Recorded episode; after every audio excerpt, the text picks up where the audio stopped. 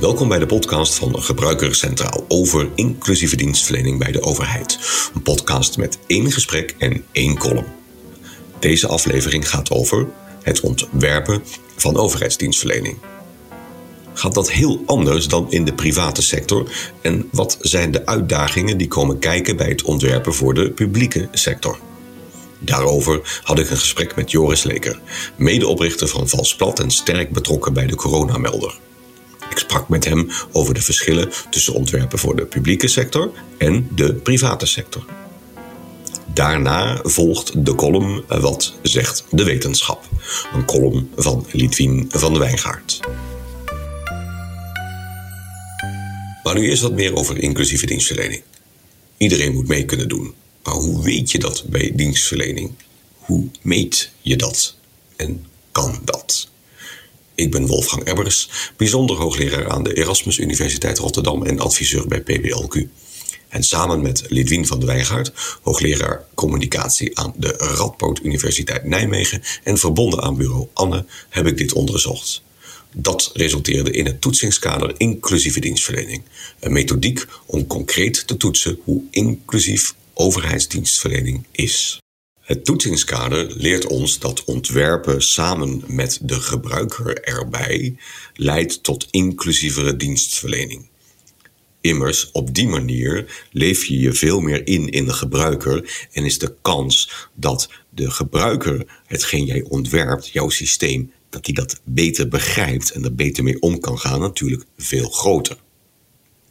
Nou, ontwerpen van digitale systemen is natuurlijk gemeengoed in de private sector. Daar is men al heel lang bezig. En ik ben dan ook heel erg benieuwd wat wij daar voor de publieke sector van kunnen leren. En andersom natuurlijk. Daarover en nog veel meer ging ik in gesprek met Joris Leker. Dat gesprek vond plaats vlak nadat de Eerste Kamer de coronamelderwet had aangenomen. En voor het weekend dat de coronamelder landelijk gelanceerd werd op 10 oktober van dit jaar 2020. En naar dat gesprek gaan we nu luisteren. Joris Leker, medeoprichter en eigenaar van bureau Vals Plat, een strategic research and design lab. Jullie bestaan dit jaar alweer 20 jaar en jullie hebben aansprekende klanten als PostNL, Randstad en KPN. En ook, en daar hebben wij twee elkaar van leren kennen, werk je zwaar mee aan de coronamelder. De app die ons moet gaan helpen in de strijd tegen corona.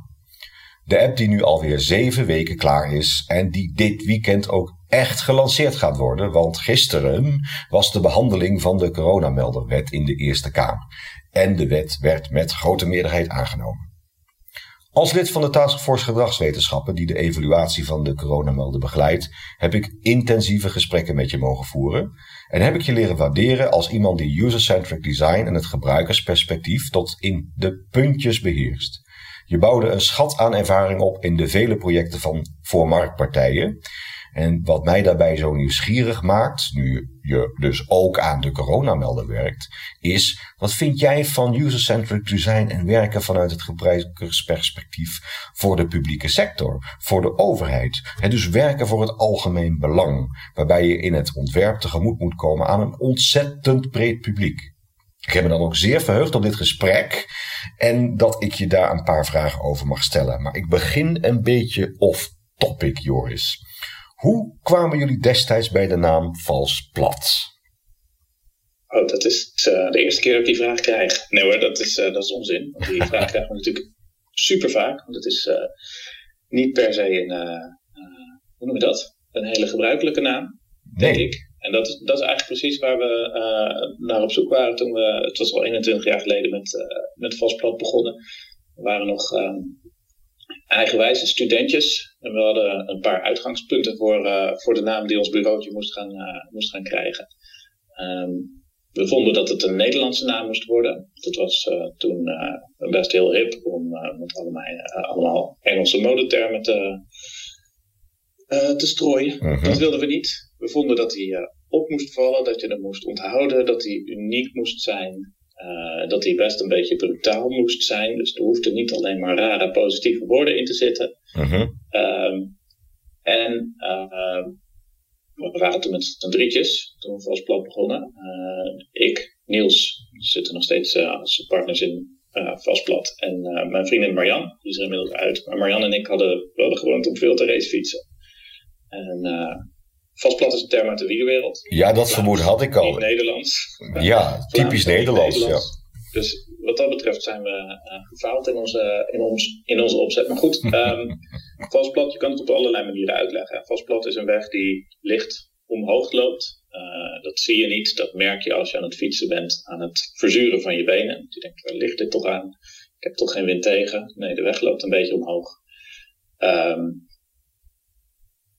dat is eigenlijk met uh, goed of slecht UX hetzelfde. Hè? De gebruiker merkt niet waarom het niet zo lekker gaat op zo'n site of met een digitaal product. Maar er is van alles mis op de achtergrond. En onze missie was altijd om dat vastblad om te draaien en het te veranderen in een ongemerkte meewind, om het zo maar te zeggen. Oké, nou. Dus het onzichtbare verschil dat goede UX maakt. Oké, ja, uh, ik moet zeggen, een heel erg leuke uitleg. Inderdaad, heel Nederlands, vals plat. Ik heb er ook last van gehad in de tijd dat ik naar school moest fietsen, 15 kilometer door de achterhoek. Had ik ook op een, een of andere manier en op de heenweg en op de terugweg vals plat. Dus heel herkenbaar, maar ontzettend leuk dat je dit ook koppelt aan UX. Want het is inderdaad zo, als je inderdaad een rotsite hebt, dan denk je ook van, hé, wat duurt het toch lang en dergelijke, ja.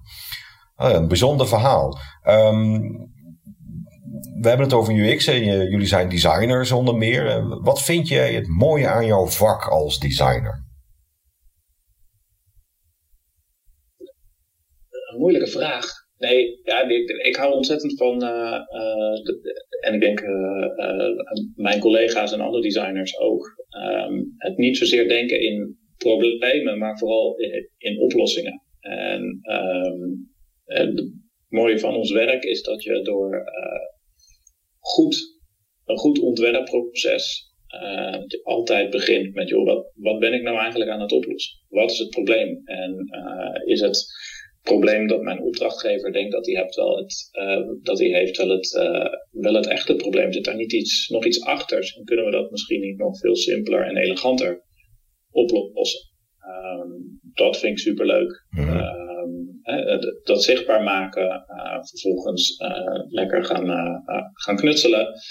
Ehm, een beetje gaan stoeien met de materie, steeds beter begrijpen. Ehm, en vervolgens natuurlijk gewoon tijdens dat proces continu ook blijven checken van zitten we nog op de, op de goede koers. Uh, werken de dingen die we, uh, die we aan, het, uh, aan het bedenken zijn daadwerkelijk. En, en lossen we dat probleem op. En uiteindelijk daar mensen blij mee maken. Ja, dat is, dat is denk ik de kern. Oké, hey, en dan hoorde ik je zeggen knutselen, maar ik heb je aan het werk gezien. Dat doe jij op een best wel gestructureerde manier. Althans, zo komt het over.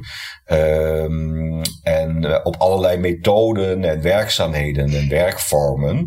Uh, welke vind je zelf het leukst om te doen, de, de, een, een UX-aanpak?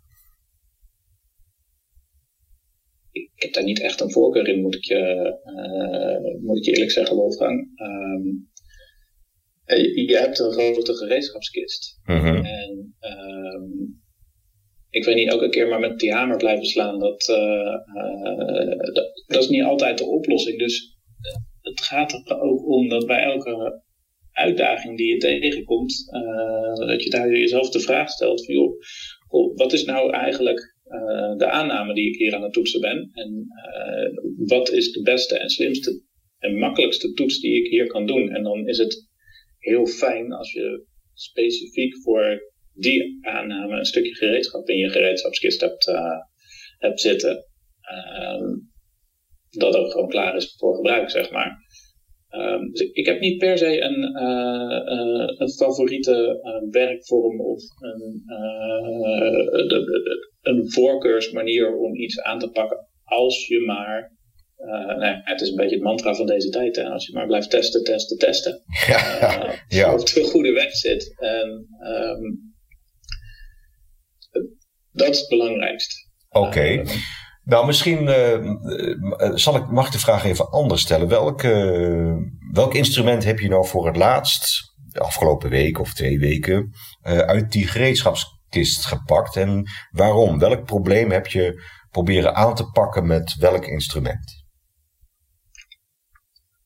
Um, dat is een goede vraag. Want we zijn ik zit nu zo diep in het project waar ik nu in zit, dat je uh, soms niet meer weet wat je de afgelopen week gedaan hebt. Maar um, ik denk dat uh, de afgelopen weken zijn we vooral bezig geweest met het observeren van als een, een vlieg aan de muur van de processen bij de, bij de GGD. Ja. Ehm, dus dan zit je eigenlijk zit je een soort van taakanalyses te maken van wat zijn die mensen nou eigenlijk aan het doen, wat proberen ze te bereiken, hoeveel tijd gaat daarin zitten, ehm, waarom zijn ze dit allemaal aan het doen.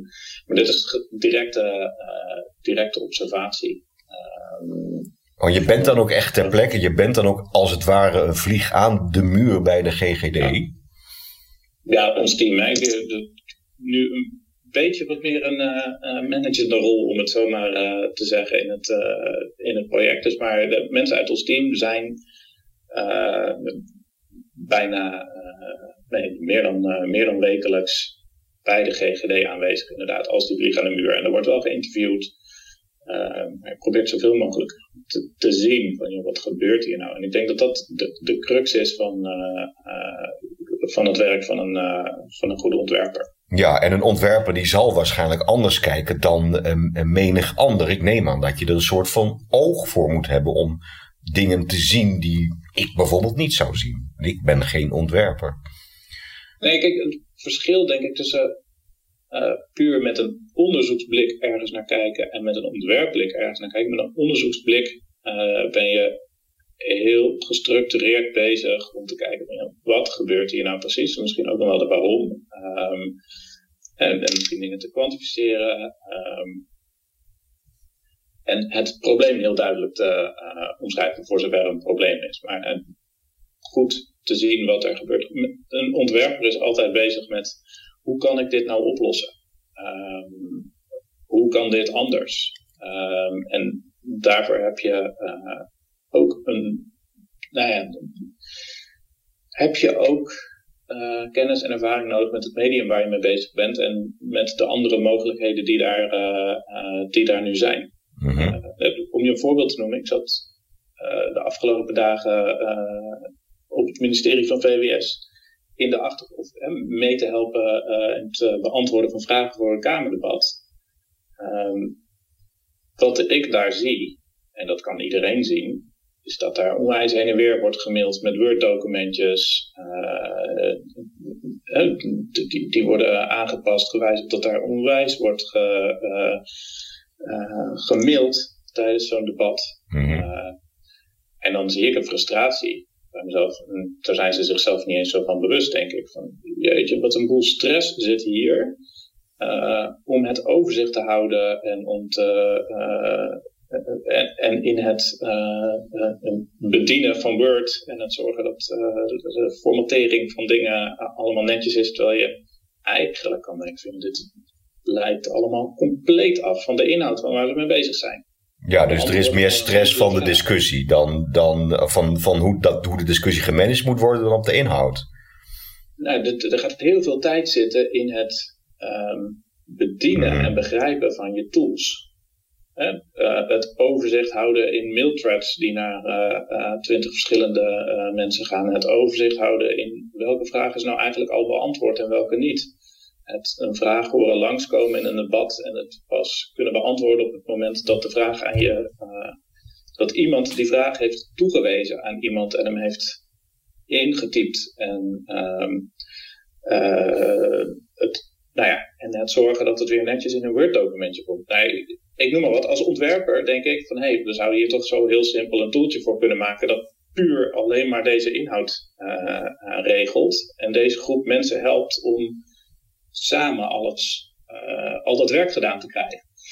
Um, dat zijn net iets andere, um, ja, ik weet niet, elke keer als, als, als ik in zo'n soort context zit, dan beginnen mijn handen al te jeuken om uh, te beginnen met het oplossen, zeg maar. Ik denk dat dat, uh, dat, typisch designer is. Een typisch designer is dan ook om eigenlijk op alle momenten in je leven met oplossingen bezig te zijn, als ik dat zo hoor. Zeker.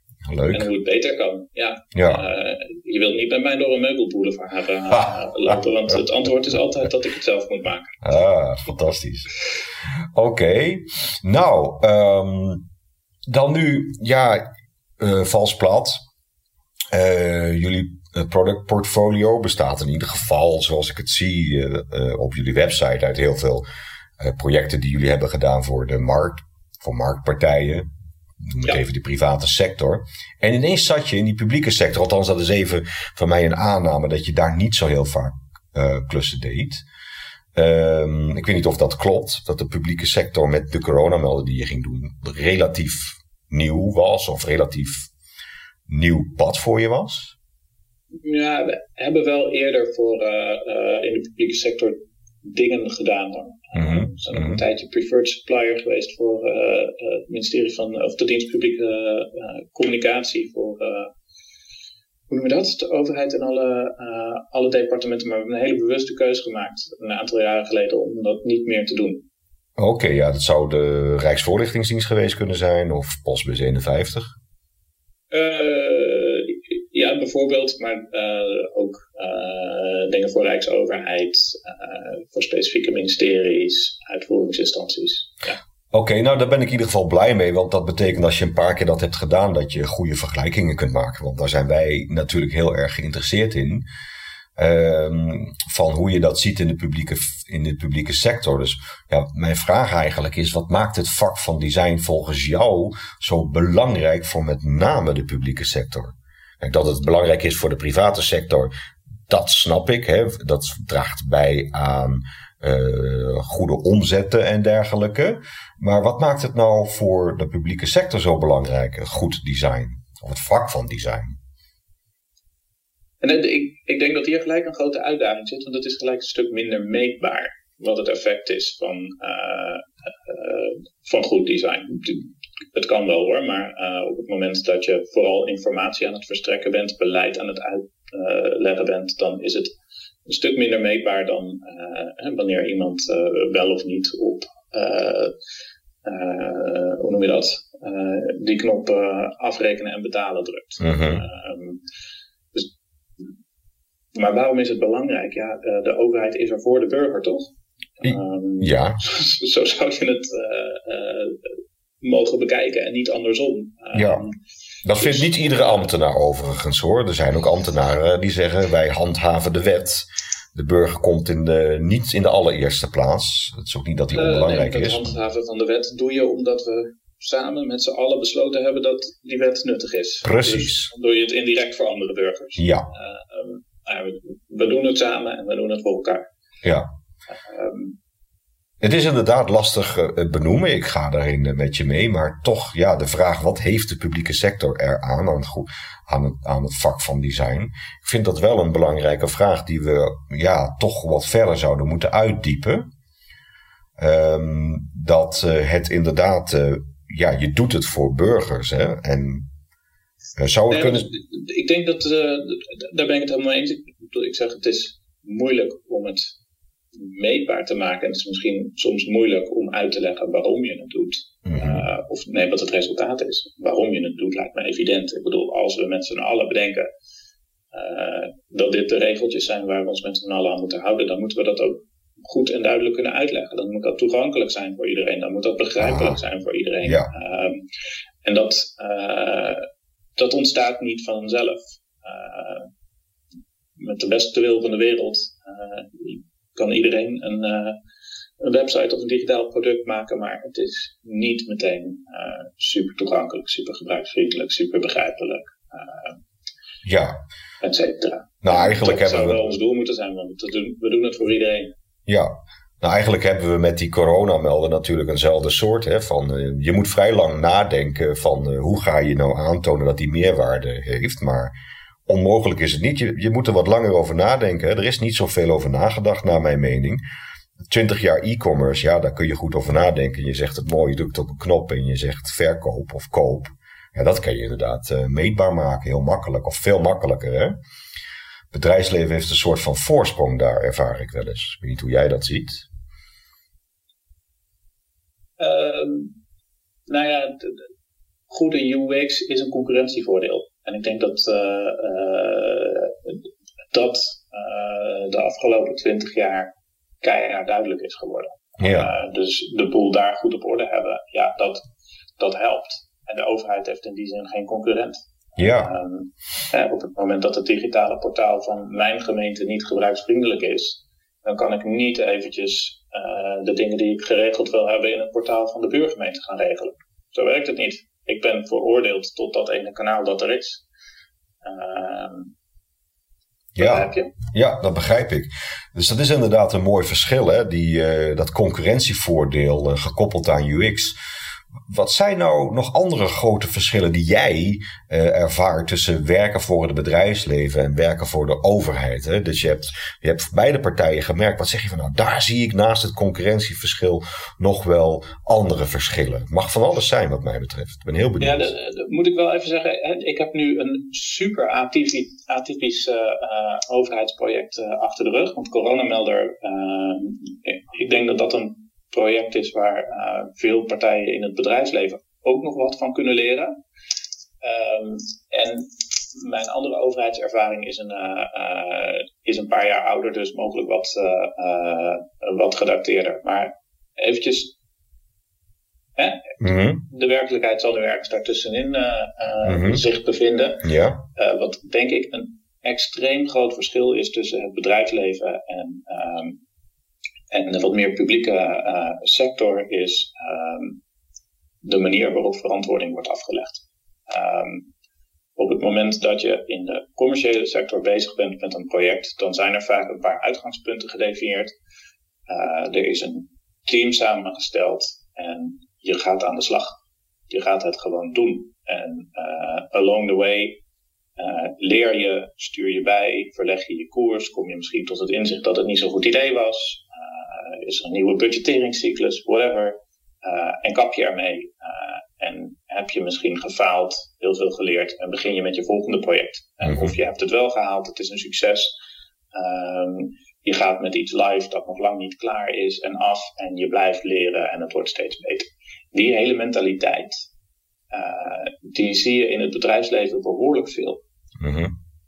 In een overheidscontext, of in een wat meer publieke context, is het veel ongebruikelijker om te zeggen: um, dit zijn onze uitgangspunten, dit zijn de mensen die het gaan doen, en we gaan het leren, we gaan het zien, we gaan het ontdekken. Uh, dat is een context waarin uh, user-centered design ook heel goed werkt. Want dat leren en dat ontdekken en bijsturen, dat is, dat is wat je doet. De overheidstrajecten die ik uh, met uitzondering van coronamelder, die ik de afgelopen jaren heb meegemaakt, zaten heel anders in elkaar. Daar begin je met supergoed definiëren wat er moet gebeuren.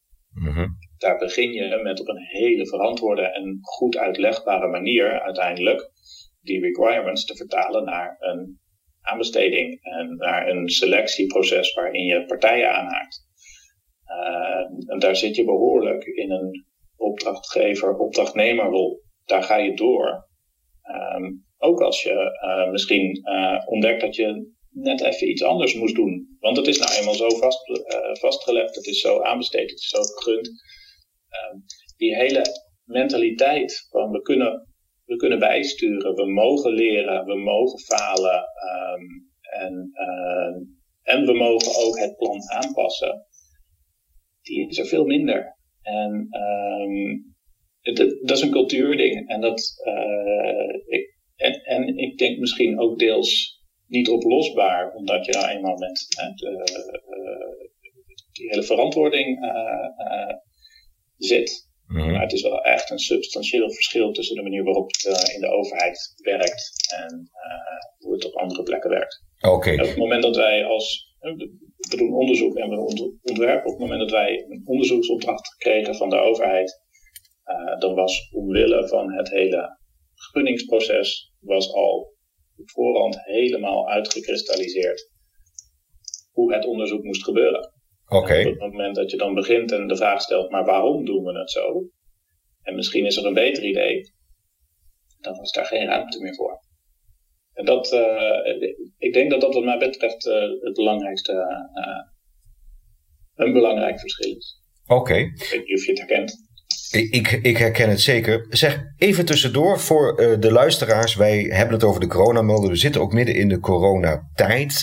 En dat betekent dat ik dit gesprek voer via uh, Teams in dit geval. En dat Joris aan de andere kant van de lijn zit en hij praat door een speaker.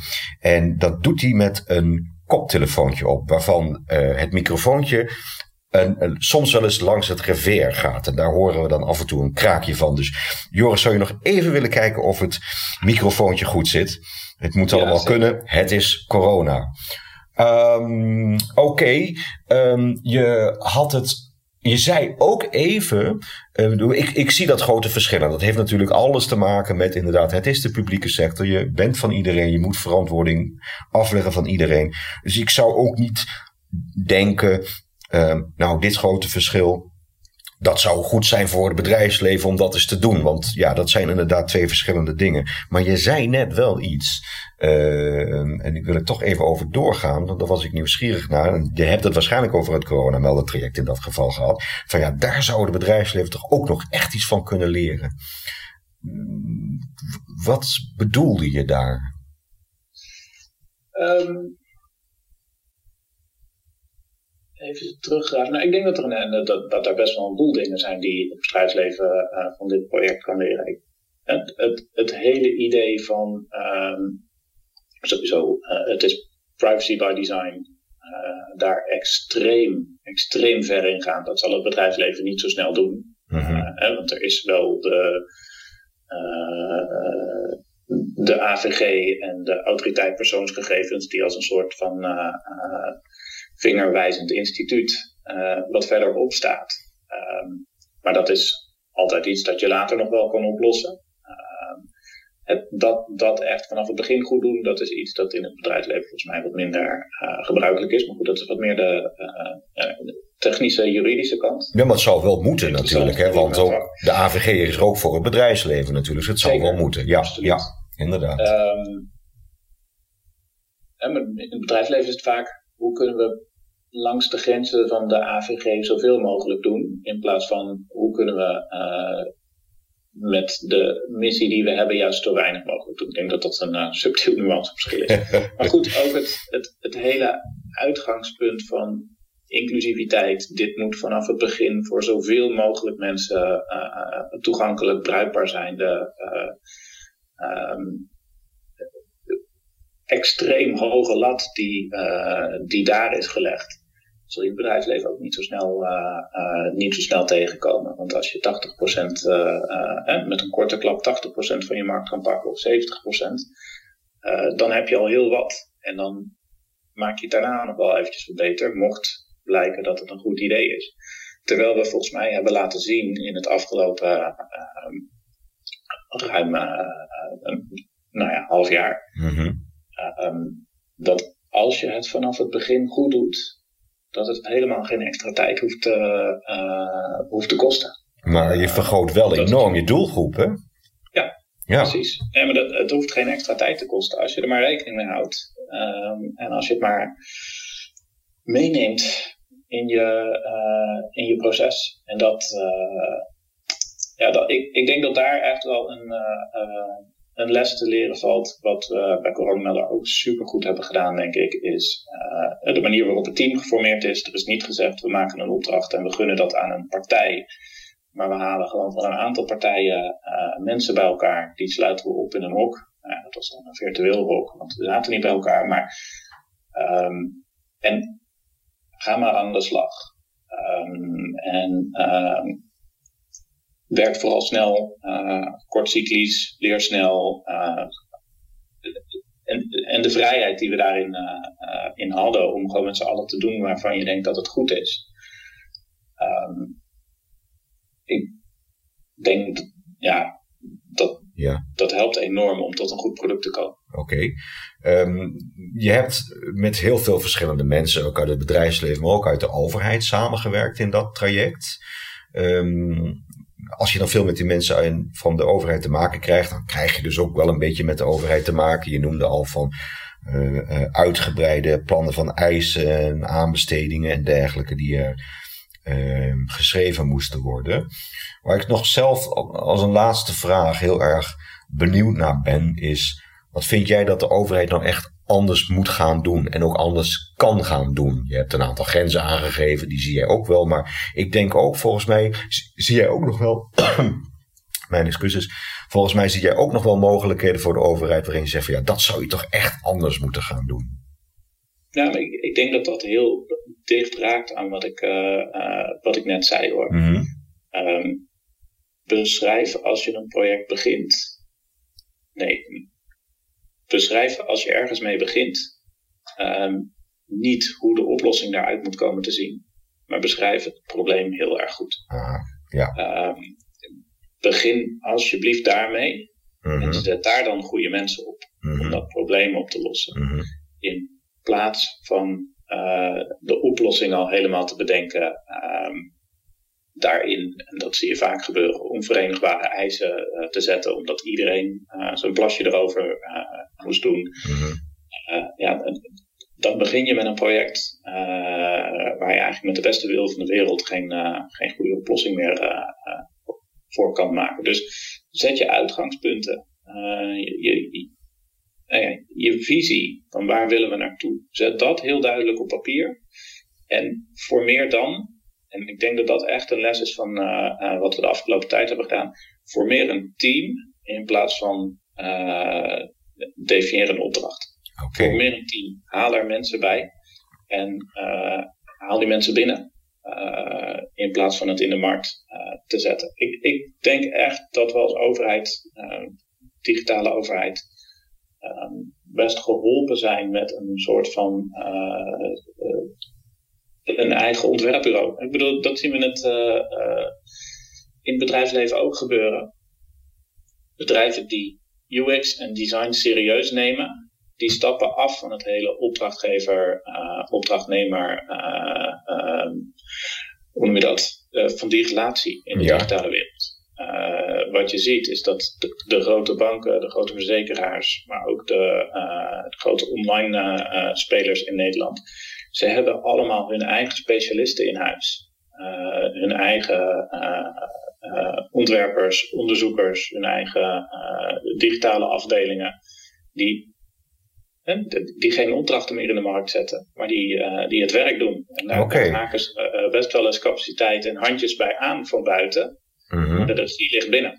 Ja. En dat is echt een wezenlijk verschil met hoe hoe het nu in overheidsland vaak gaat. En dan, dan neemt zo'n opdrachtnemer neemt vaak ook een loopje met je. Mm -hmm. Ja, het kan inderdaad. Kijk, er zijn natuurlijk al wel UX-designers uh, werkzaam binnen de overheid. Maar ja, het is heel interessant. Je zegt het over het, het niet projectgericht, maar meer bureaugericht werken. Het doet me heel erg denken aan hoe de uh, marketingbureaus, die dus hele wervingscampagnes uitvoeren voor grote opdrachtgevers. Uh, inderdaad, heel veel wordt daar naartoe gedelegeerd. Moet ik me dat bij voorstellen? Dat het een soort vanzelfde systeem zie je voor je. En dat dan een, aan grote uh, marketingbureaus gewoon gezegd wordt: Nou, uh, dit is wat we willen bereiken aan jullie om er voortdurend campagnes voor te verzinnen. Bedoel je dat met ont, ontwerpconstructies en bureaus? Ja, daarvoor ken ik die wereld niet goed genoeg. Dus okay. dat vind ik lastig om dat. dat, dat uh, om daar ja of nee op te zeggen. Ja, omdat je zegt van er is wel een opdrachtgever-opdrachtnemer relatie, maar die is niet zozeer um, gericht rondom opdrachten, maar gericht rondom een constante uh, flow van activiteiten. Ja, dat, maar ik zou ook zeggen, um, gun je project of je, uh, je werkzaamheden niet per se aan een bureau, maar het zou best wel wat meer verweven mogen zijn. Mm -hmm. um, formeer vooral een team. En dat zijn mensen van binnen, dat zijn mensen van buiten. Maar die mensen van buiten komen misschien niet allemaal van uh, de, de, dezelfde opdrachtnemer. Dat kan best een constellatie zijn van mensen die samen. Uh, en gelegenheidscoalities coalities die samen ergens mee, uh, mee belast zijn. En een missie hebben. Mhm. Een gezamenlijk doel. In plaats van. Um, Oké, okay, we hebben een projectplan en dat gaan we van A tot Z uitvoeren Oké, dus eigenlijk zeggen, uh, uh, organiseer creativiteit en oplossingsvermogen eigenlijk rondom een vastgesteld probleem. Oké, ja leuk. Zeg Joris, hiermee zijn we aan het einde gekomen van ons gesprek. De tijd vloog wat mij betreft. Ik vond het uh, mooi om te horen hoe jij tegen alle onderwerpen aankijkt. Ik ben heel benieuwd of de overheid nog meer van jou gaat zien. Ik zelf denk dat daarin gisteren al een belangrijke stap is gezet. Uh, en zo begonnen we ons gesprek ook hè, met het aannemen van de coronamelderwet in de Eerste Kamer. En dit weekend wordt hij breed gelanceerd. En het zou zomaar een heel bijzondere herfst kunnen worden. Uh, Joris, hartelijk dank voor dit gesprek en tot ziens. Graag gedaan. En dan is het nu de beurt aan Lidwien. En in haar column Wat zegt de wetenschap kijkt Lidwien vanuit wetenschappelijk oogpunt naar inclusieve dienstverlening. En vandaag in haar column het ontwerpen van de digitale overheid is een langdurig en nogal ingewikkeld proces. Aan de hand van de structuratietheorie van Anthony Giddens bespreekt Lidwien dat wij door ons dagelijks handelen invloed kunnen uitoefenen op dit proces. En hoe je via testen met gebruikers erbij structuren en regels stapje voor stapje kunt veranderen. Waarom praten we al 30, 40 jaar over de elektronische dienstverlening van de overheid? Het eenvoudige antwoord op die vraag is omdat het nogal ingewikkeld is. Van een besluit om een nieuwe dienst te ontwikkelen tot de implementatie ervan is een proces dat vele hobbels en bobbels kent. En als een dienst dan eenmaal draait, gaan mensen die dienst wel of niet gebruiken en dat heeft weer de nodige effecten op het besluit om weer andere of nieuwe diensten te ontwikkelen. Het hele proces kent dus niet alleen verschillende stappen, maar het proces is ook nog eens cyclisch van aard. Hoe kunnen we daar chocola van maken? Welkom bij Wat zegt de wetenschap? Ik ben Lidwien van der Wijngaard. In deze column kijk ik vanuit wetenschappelijk perspectief naar inclusieve dienstverlening. Wat zegt de theorie? Hoe is dat relevant? Op welke manier kun je onderzoek inzetten? En tegen welke vraagstukken loop je op? Vandaag Structuratietheorie van Anthony Giddens. Bij deze theorie draait het om de relatie tussen structuren en het handelen van het individu. Met structuren bedoelt Giddens de structuren die je ziet als je vanuit een macroperspectief kijkt. Het gaat dan bijvoorbeeld om de structuren zoals wetten en regels die worden bepaald door de overheid. Ook gaat het bijvoorbeeld om de mogelijkheden die technologieën bieden. Met het handelen van het individu bedoelt Giddens het dagelijks leven en het gedrag van burgers, bedrijven en ambtenaren vanuit een microperspectief. In de praktijk is het erg lastig deze twee perspectieven, micro en macro, handelen en structuur, bij elkaar te brengen. Giddens overbrugt de ruimte tussen de twee perspectieven door te laten zien dat het eigenlijk om één systeem gaat. Hij zegt namelijk dat we de macrostructuren reproduceren door ons dagelijks handelen. Giddens zegt dus dat aan de ene kant ons dagelijks handelen wordt bepaald en begrensd door bestaande structuren. Aan de andere kant beïnvloeden en veranderen we ook die bestaande structuren beetje bij beetje met ons dagelijks handelen. Structuratietheorie overbrugt dus de relatie tussen bestaande structuren die je vanuit een macroperspectief kunt zien en ons gedrag dat je vanuit een microperspectief kunt zien.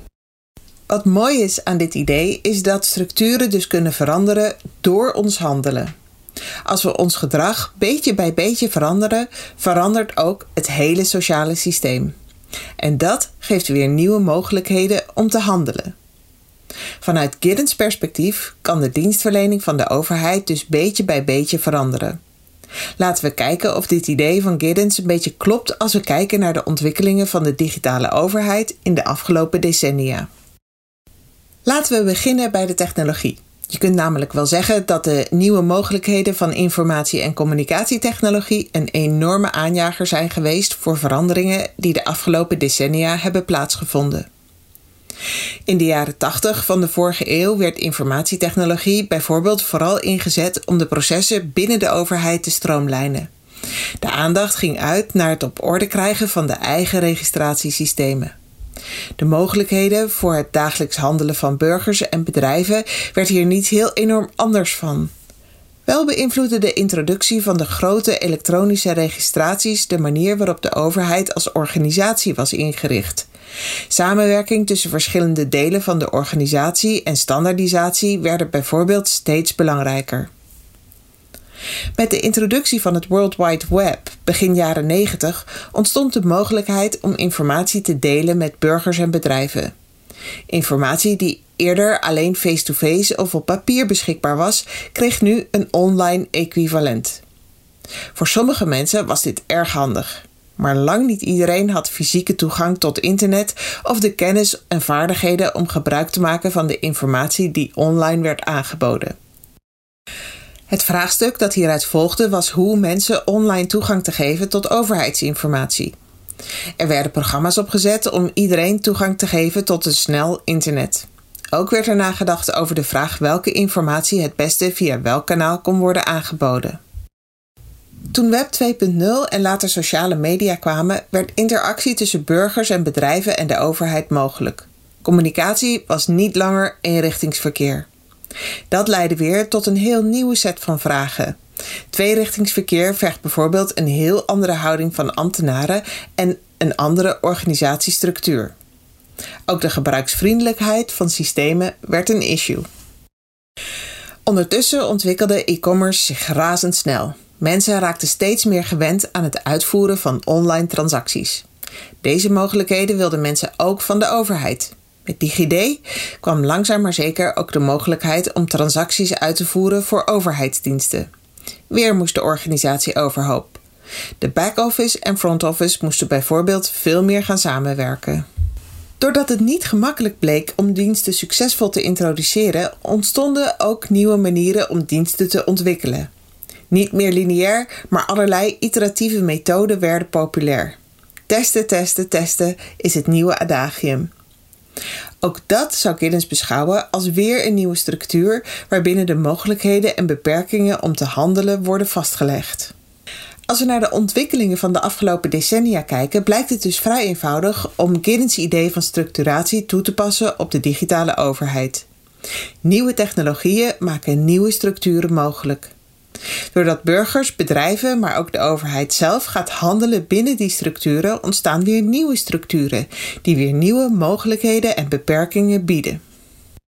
Maar wat heb je nou aan zo'n perspectief? Wat heb je eraan om te weten dat de ontwikkelingen van de digitale overheid een systeem is van structuren op macroniveau, handelen op microniveau en de mogelijkheden om door dat handelen de structuren beetje bij beetje te veranderen?